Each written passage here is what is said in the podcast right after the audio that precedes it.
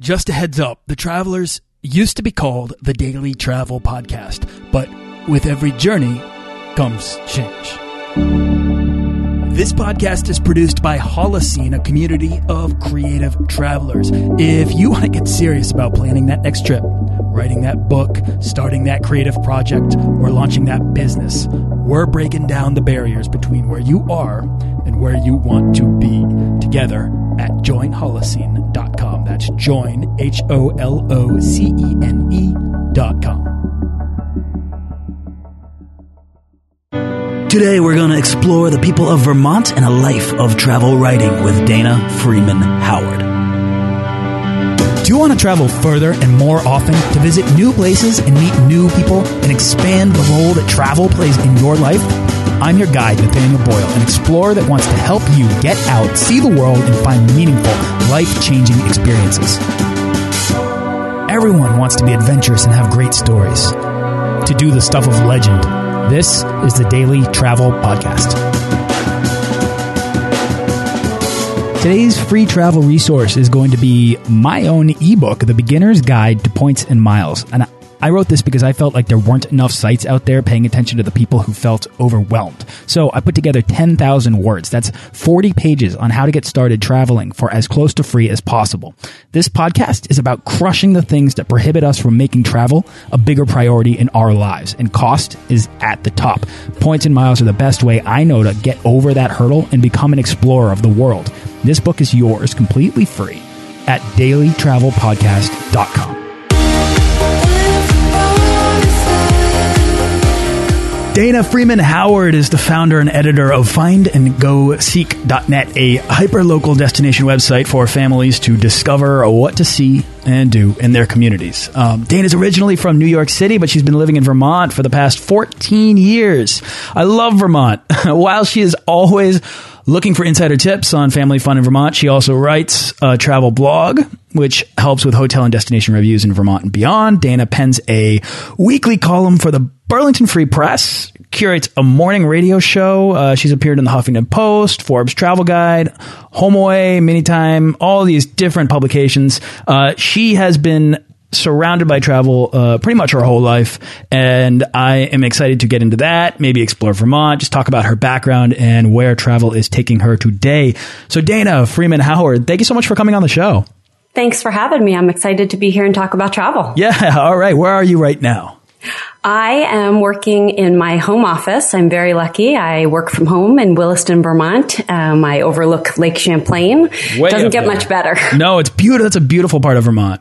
It is. It I is. I am a huge fan in, of Vermont. Not only because, not only do I have the the opinion that they're producing uh, some some of if not the the best beer in the United States, uh, and as a craft beer fan, that that's a big deal for me. But uh, it's just a, like a crafty people. I mean, you can go to the, the some random truck stop or gas station in Vermont off a highway, and there will be like a local products, like a shelf of local products and stuff. And to me, I love that. I have to tell you, I totally agree. And I can't vouch for this because I didn't do it, but my husband went this past weekend on a brew tour. I'm talking about craft beers with a bunch of friends. He does it every year. And I asked him which was the best. He was way up in like Morrisville, out past Trapp Family Lodge, really kind of out in the hills.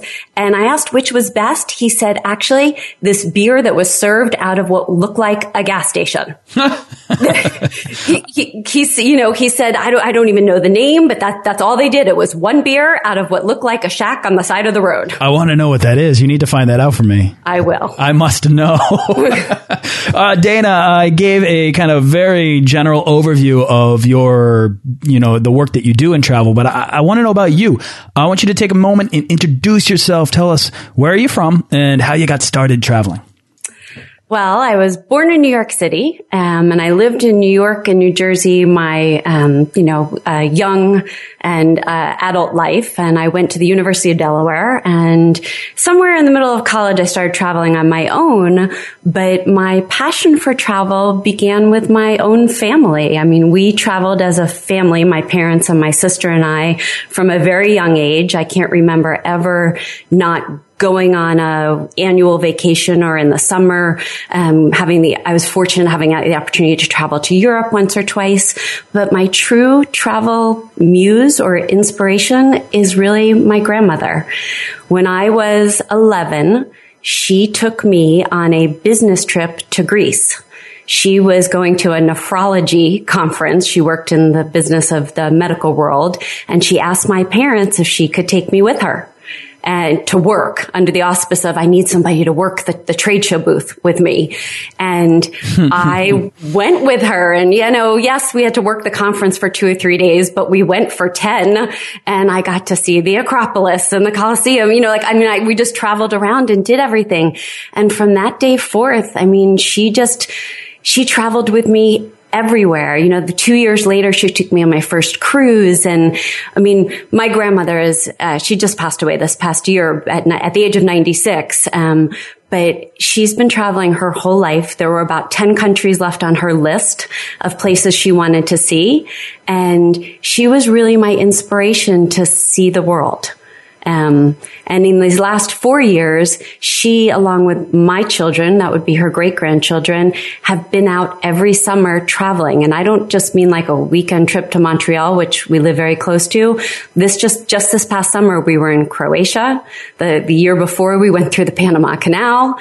So, um, my grandma is definitely wow. my travel inspiration. Yeah, you'd mentioned that in the sort of pre-interview that your, that your grandmother was really, uh, was a big deal in your travels. And I didn't understand that it went all the way back to when you were a kid and that she yep. would have been the person that recognized the value in sharing travel with somebody so young.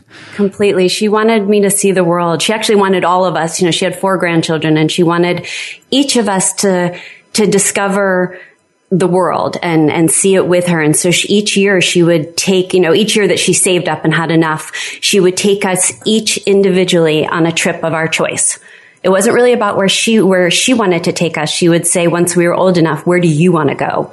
You know, so um, I have a, a male cousin, and he wanted to go whitewater rafting down the Colorado River when she was seventy five.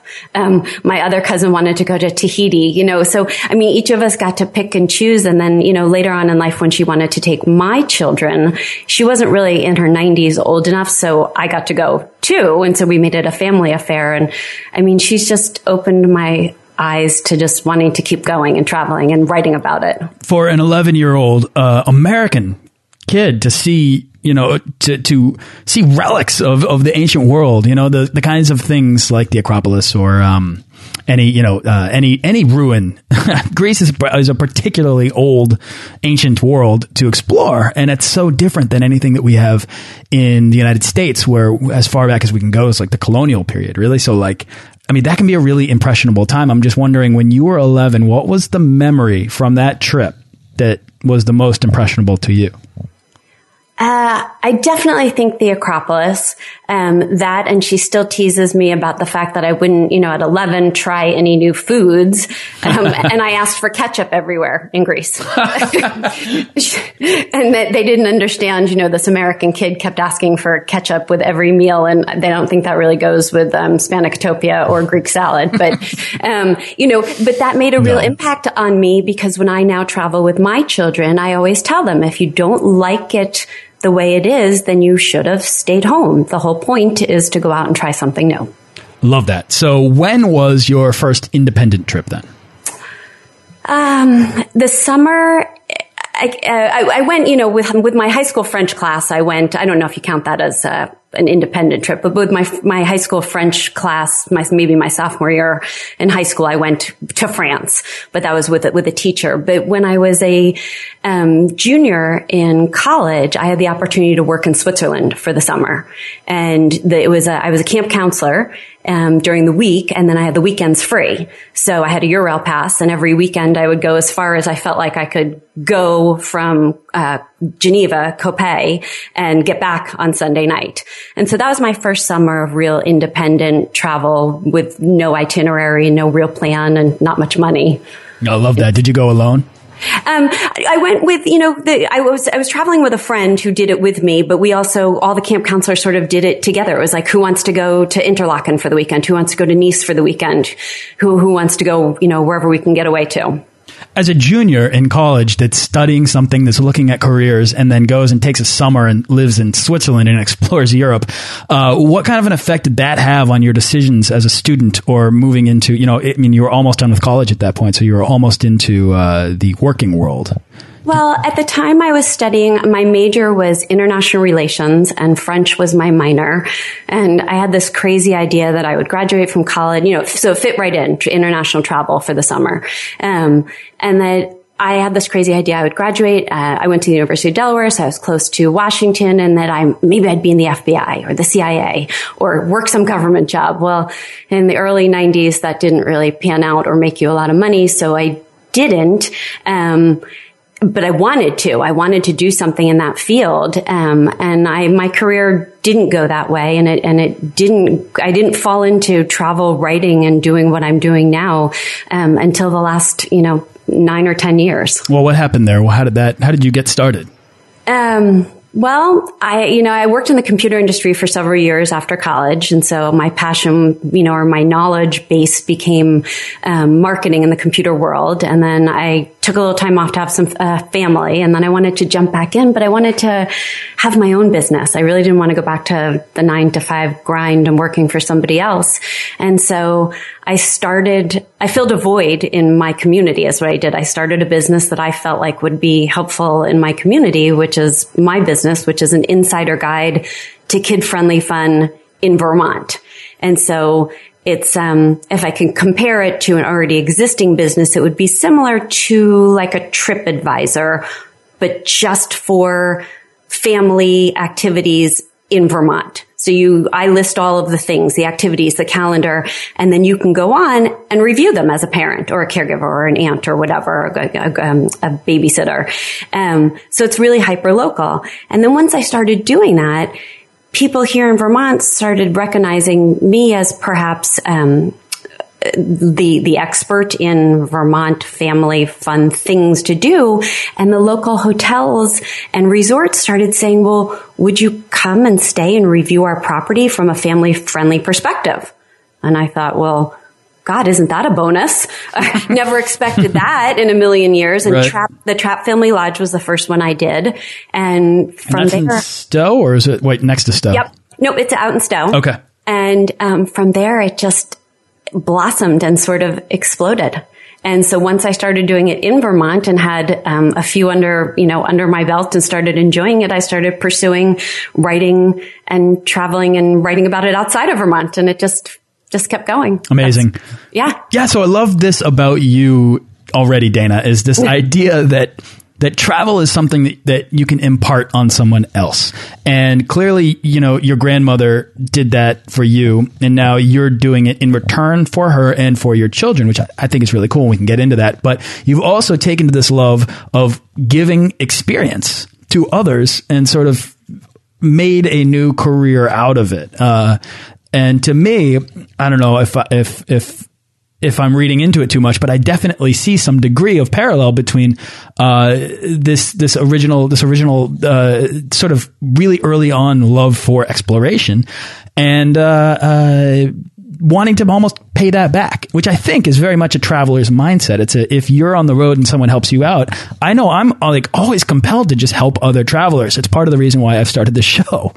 Um, and completely You- Right? you've hit the nail on the head i mean it's always so much easier when you've got a little bit of knowledge from somebody else who's already been there done that to, to have the confidence to go out and do it. Maybe you're not going to follow their itinerary exactly, but wouldn't it be nice, especially like I'm in the, you know, family world or family travel world at the moment, but especially as like a parent to know, oh, okay, well, th- uh, there is definitely a restaurant there or there's a gas station or there's a changing table or, you know, like navigating any of that kind of stuff. Just knowing it's there. Maybe I won't use it, but that helpful knowledge or, you know, even traveling further, you know, like in skiing or going to the Caribbean or, you know, Cape Cod or just whatever it is, knowing that somebody else has gone there and sort of tested the waters before and you can read about it is really helpful. I love sharing that. Yeah, well, travel obviously, whether it's in your backyard or in you know some desert in the far off, uh, far off, far off countries.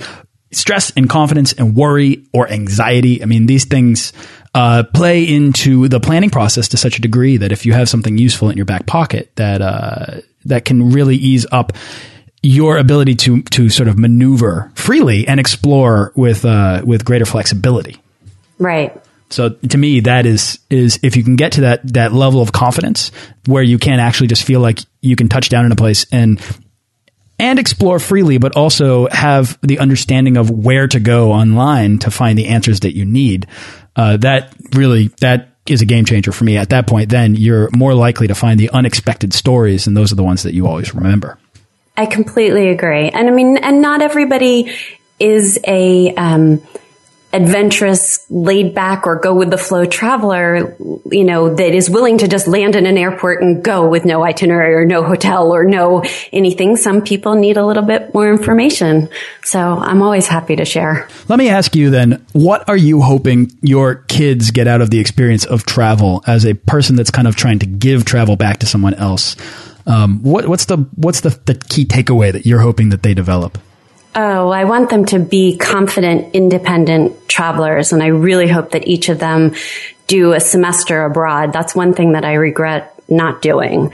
Uh, I was afraid I was going to miss, you know, a whole semester at college, which is looking back now, hindsight 2020, really silly. Mm-hmm. Um, but I hope that they, when they're ready to take off and travel on their own, that they have so much, um, knowledge from our travels, whether it's about safety or how to flag a cab or um, how to book a hotel or anything like that, that that they are, you know, 10 steps ahead of your average bear. I mean, I just saw it actually with my daughter. My, my, my daughter is 13 and, or actually just turned 13 and my mom went, um, to New York City just a few weeks ago on a special grandma mom trip.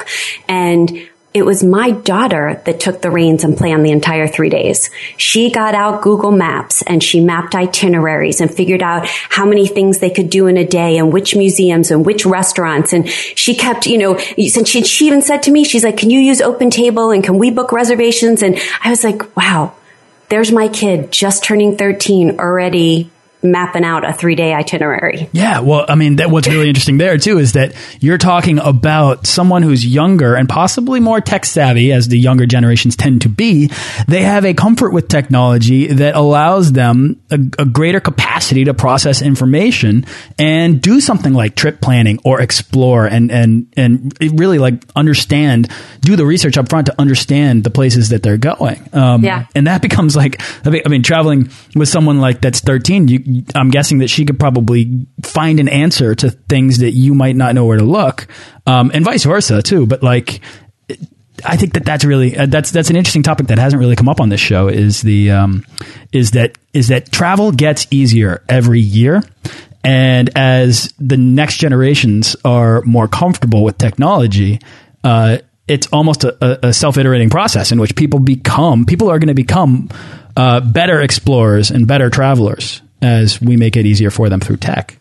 Exactly. So that's really cool. but, I, but, I, almost felt like it was my mom, my, my daughter leading my mom, you know, through the whole traveling process. Like I felt like it was going to be her that was like flagging the cab and, you know, being like, Oh, we need to go here now and it's time for this. And it was just an interesting juxtaposition, you know, to see them set off on this little adventure together, knowing I was very confident in my little traveler. Yeah. Well, and you're putting them and you're seeing this in worlds that are not their own. And I think that, you know, kids can, can so easily be raised in bubbles and uh, feel confident maybe in small, in small worlds, but not in bigger, complex, chaotic environments. But I think that that's a really good skill set that someone can give someone else that opportunity to, to travel and feel confident in a, in a foreign environment. Right. So I like that. So confidence, independent travelers is, is kind of your goal. Um, and if your kids are listening and they hear this interview and they are thinking at ever, if they're ever thinking that you know, I'm gonna, I don't want to go abroad because I'm gonna miss the the only like the the eight semesters I get in college. The best semester of your college experience will be the one that you spend abroad. It's like ninety percent, ninety percent rings true for everyone that has actually gone and studied abroad. Right. Exactly. I know. I know. And, and they know, they know, I, they, I talk about all the time. So they know that I, it's, um, you know, not a huge regret because everything is an experience in life and you take what you get from that experience, but they know that I wish that I had done that, that I made that choice. Yeah. So hopefully with all of their travel experience, they'll be able to see and make their own choice to do that. Dana, do you ever feel like you got that you like you you built that experience back into your life? You ever redeemed not going abroad? Oh yeah, I've seen I've seen so much, and you know I feel like um, I still have so much to see. Um, as a matter of fact, I talk about so my my oldest is um, in soph- a sophomore in high school, and so and my youngest is in seventh grade. And not that I'm counting down the days until they're out of the house because I'm not at all, but I am uh, thinking that the year that my youngest is a freshman in high school, about spending that year traveling abroad with my husband, you know, maybe two months in, in six different places, trying to decide maybe where we want to live next. How many places have you lived? Um, not many. I, have lived in New York and New Jersey, and then I lived, you know, I went to school in Delaware for four years. Mm-hmm. I made a quick pit stop in Austin for a little bit. We we lived in Austin for about three or four years, and then I've been calling Vermont my home for the last fourteen years. What is it about Vermont that's kept you there? Is it the work, or do you love the, the state? Oh, I love the state. I, I love it here. I love the people. The community is amazing. The environment is fantastic. I mean, the food, the, just everything.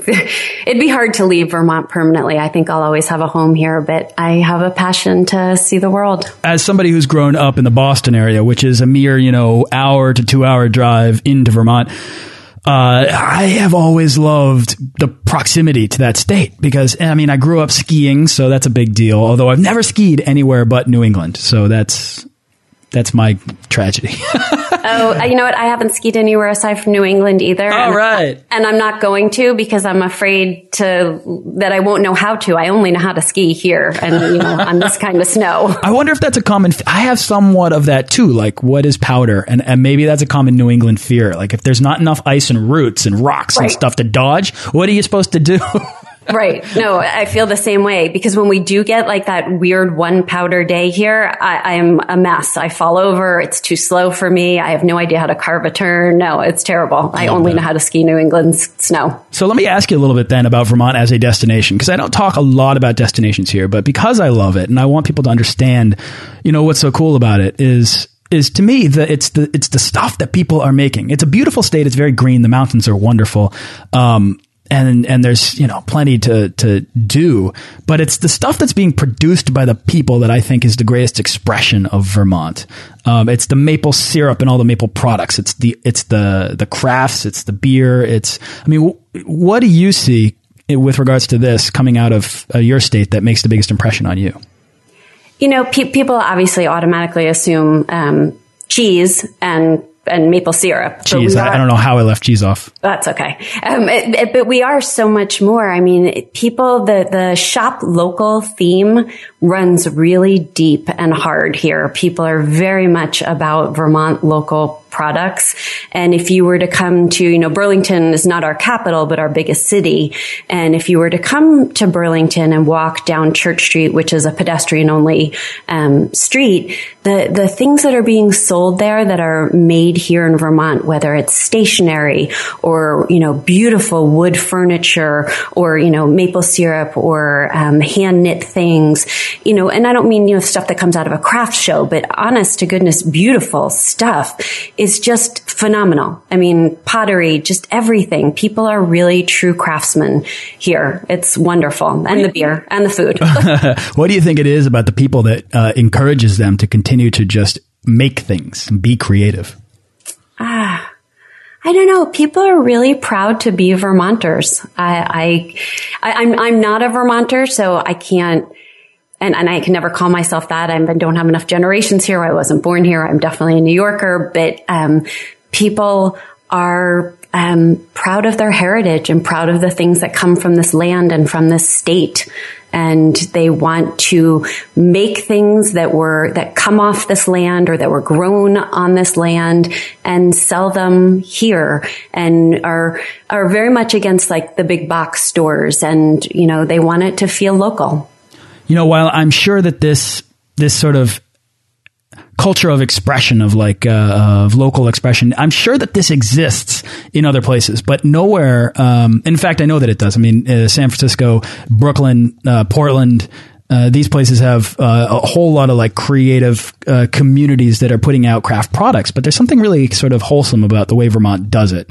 Um, that's not flashy. That's not over designed. It's very um, uh, small town ish, uh, which makes it, in my opinion, uh, it gives it a very unique character, and that's why I say that the stuff that's being produced in Vermont is really expressive of Vermont culture. Uh, and I think, and I honestly feel like um, people who want to travel for food or want to travel for, um, uh, I don't know, souvenir shopping or whatever, like Vermont is a is a really wonderful place to go and do that because it's all of the stuff being produced in that state just it just screams Vermont culture. And I, and I guess to your point, it's because people are proud of their state. They're proud of who they are and they want to share that through the things totally. that they make. Like, like a really good example of if you wanted to travel here and experience that would be to stay in the, the Hotel Vermont, which is new. I mean, it's been here, you know, a little over a year. Um, but what they did, it's a luxury property right in downtown Burlington, but they did a remarkable job of bringing the,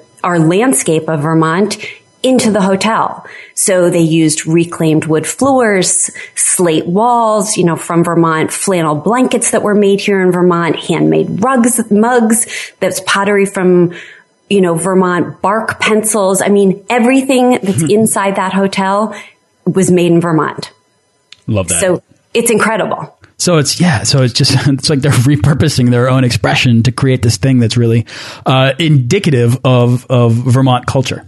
Right. Everything's a locally sourced product. Yeah, that's cool. I love that. All right. So anyone listening, I hope that you're kind of getting the passion that uh, Dana has for Vermont and for all of this stuff because that runs heavy in that state. And if you're from the States and haven't been to Vermont or if you're from another country and you want to visit the United States and you're thinking New York, Miami, Los Angeles, I mean, I'm telling you, Vermont is worth a visit from anywhere in the world. Um, so there's some there's some free love for Vermont. Uh, Dana, I want to run you through the uh, travel advice lightning round. Sure. Okay, so this is the part of the interview in which we boil down the how and the why of travel into pragmatic advice. So I'm going to come at you with a series of questions, and you're going to give me your best travel tips. Sure. The first step for a lot of people taking the first step out of the door, that can be the hardest part of travel. What's your advice for anyone dreaming to take the first step to becoming a world traveler?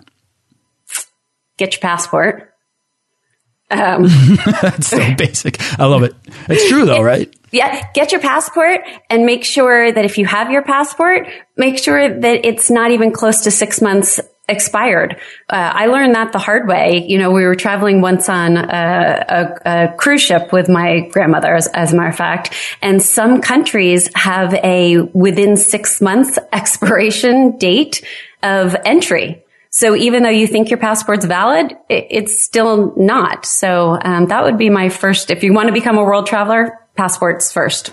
That is key, and not enough people have a passport in this country. No. Um, and now, okay, affordability. So the biggest hurdle, Dana, for most people who want to travel more, it's cost. Do you have a secret money saving tip or travel hack?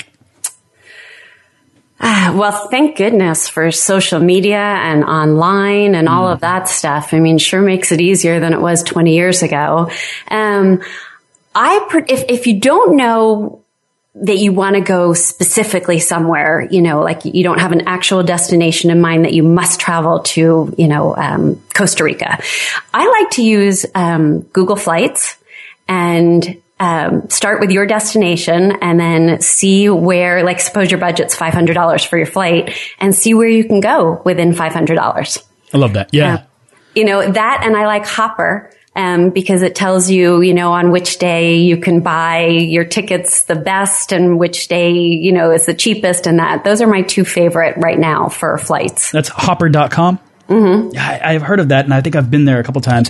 I've never started using it for whatever reason, but I should check it out. Another tip related to exactly what you're just saying is that Skyscanner in the destination field, so you can say from uh, your home city, your home airport, and then two, you can write anywhere and hit hit search, and it will populate a list of great deals that are going to different places. Right. Um, so I think that is exactly kind of what you're talking about. If you have the flexibility, find that deal and then let that guide you to where you want to go next. Exactly. All right. I, of course, I live in a secondary city, Burlington, so um, I'm hard pressed for a deal. right. All right. Do you, this is going to be a similar question then, but do you have a favorite internet travel tool or resource that you use? I mean, aside from findandgoseek.net, of course. Yeah, well, that only gives me Vermont. So yes, I'm bi- I'm biased to that. But um, you know, I, I jump around and use a lot of them. I mean, it depends. If I'm looking to rent a, a house, um, which now that my kids are getting older, that that becomes um, key for me rather than two hotel rooms. Uh, I love HomeAway. Um, if I need to review a hotel, kind of check it out before I go, I check TripAdvisor.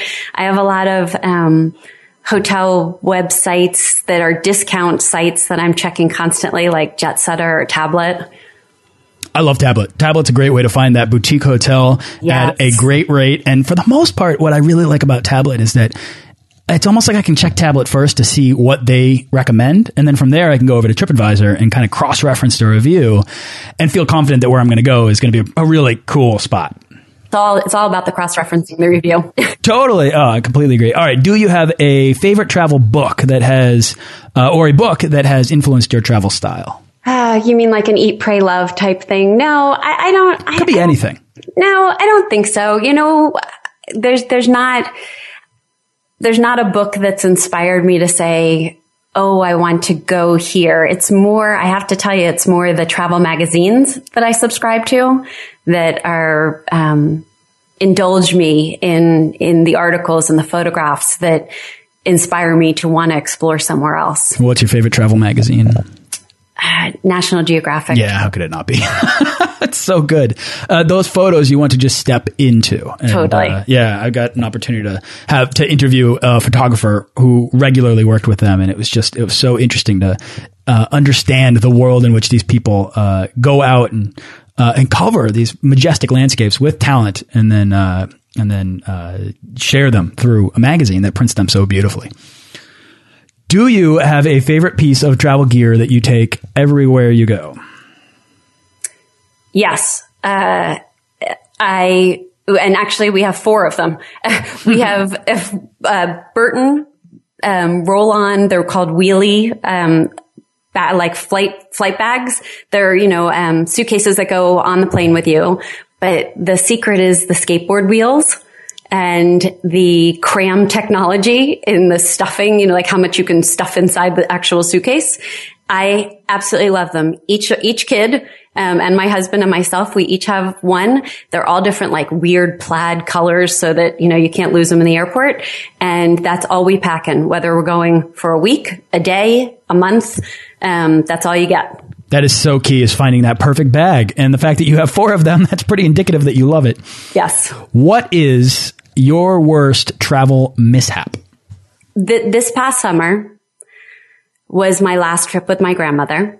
Um, she's, she, we, we set sail. Uh, we, we like to, she like, she likes to travel on the small, um, cruise ship lines. Um, she has been on 49 cruises in her life. And she asked me this year if we would go out again, you know, if we could go one more time.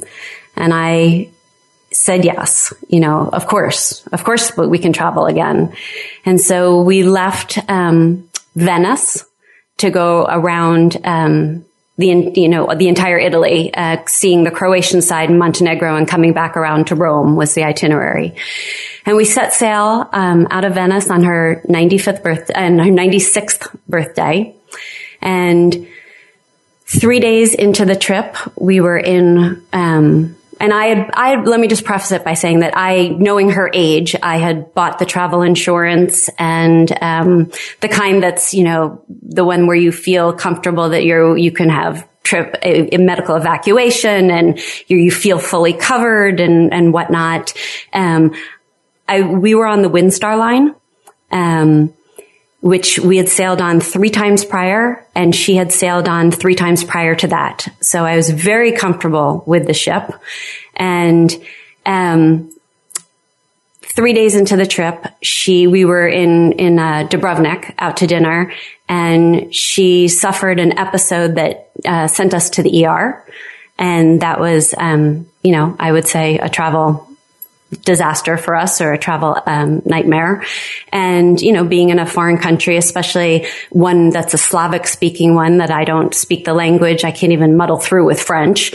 Um, and we managed to get back, you know, get through the ER, get back to the boat. Um, but once we got back to the boat, the care that we received from the doctor on board and then the communication that happened between the doctor and the travel insurance and what I thought that we had bought and what I thought would be covered wasn't. And so, um, it was a very hard lesson learned and, um, not, um, not something I expected whatsoever. And, and the rest of the trip, uh, wasn't really a trip or a vacation for my grandmother or myself whatsoever. I ended up caring for her the entire rest of the trip. Um, she never left her cabin really again.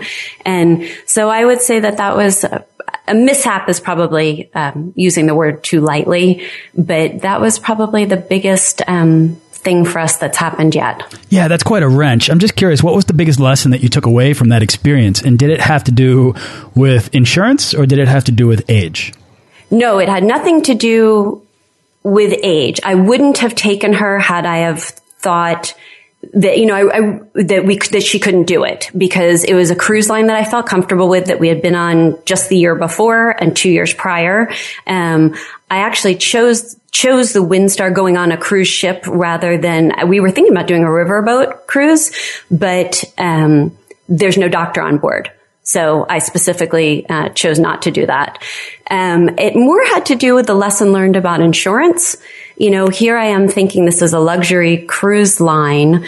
Um, that caters to a, slightly elder crowd. I mean, I'm going to guess their target demographic is 55 to 75 ish. And, um, I knew they had a doctor on board. As a matter of fact, we had met this doctor uh, on our first trip and, um, I, I felt very comfortable about the whole process. I bought the insurance from the cruise line when I bought our tickets and I asked several questions about, okay, you know, I mean, you know her age, obviously, because you have to give the the birth date and the passport number and everything. And I'm like, you know, so the reason I'm buying this insurance is because, you know, if she falls or gets hurt or gets sick or God forbid something happens, like this is what I'm covered for, right? And so it was more, it was more about the lesson learned about it's not really, it doesn't work just like that. Yeah, that's an unfortunate lesson to have to learn in the way that you learned it. Yeah. Yeah, not fun. Uh, all right, Dana, what what last question of the round, what's the weirdest thing you've ever eaten? I was once in Montreal uh, at the uh, Biodome on a behind the scenes tour of you know the Biodome, which is where they there's all sorts of animals and um, uh, there's seven thousand species that are there, and we were as journalists offered the opportunity to try the bugs that the uh, animals get to feast on, and yeah, I didn't realize they did that up there. Yes, Yes, lucky journalists. and you accepted. Uh, no, I didn't. I couldn't do it. But that was definitely the weirdest thing that I was ever offered to eat. I'm not sure what the weirdest thing that I've ever eaten is. Um, I like that you've pointed out that that opportunity exists for anybody yes. that is up for bizarre foods that lives in the Northeast. Just go to Montreal, and I'll tell you what, you can find plenty of strange foods in the restaurants of Montreal as well. Um, all right, Dana, we are running out of time, so I'm going to have to wrap up here. Um, is there anything else that you'd like to share before you know we begin to wrap it up? Um, no, I think we've covered quite a bit. I mean, you know, I I'm I'm getting back out there. I'm I'm leaving on my next trip over Thanksgiving break. I'm actually we're doing a big multi generational travel with my fam my uh, sister and her kids and my parents. So um, I'm eager to get back out on the road again quickly. That's, a, that's amazing. Yeah. Uh, that answers my next question, uh, which is what's your next trip? But what's your next project then? What's exciting you the most right now? Um, you know, I, I, I write, I do a lot of ski writing. Um, I write for, um, the All Mountain Mamas, which is part of Ski Vermont's, um, initiative. And so as soon as we have enough snow on the mountains, we will be obviously skiing and I'll be writing about it. So aside from traveling outside of Vermont, my next lots of writing over the winter will be involved in ski writing. I can't wait for ski season to start. I have not been skiing enough lately, but I used to be one of those kids like on the ropes attached to their parents when I was two. And so uh, I love skiing. It's the, it's the, it's the one sport that I, I really have done my whole entire life. Well, you'll have to let me know if you're headed up here. We'll have to take a couple of runs together. I'd love to. That would be so much fun. All right, Dana, where can people go to find out more about you and what you're doing? Uh, we are at findandgoseek.net. Findandgoseek.net. Excellent. And go visit Vermont because you're going to love it. Uh, Dana, thank you so much for coming on the show and sharing your background with travel, everything that it's kind of uh, inspired you to do in your life. And I, I, again, I just I love that you are about this sort of um, uh, giving of, of experience to other people, and you respect the value that is inherent in that process. Thank you. Thanks very much for having me. I enjoyed it. Thanks for listening to this episode of the Daily Travel Podcast. For show notes and links to everything in this episode and more, head on over to dailytravelpodcast.com. Join our Facebook page of explorers and subscribe to our newsletter for the best deals and resources to help make your next trip life changing.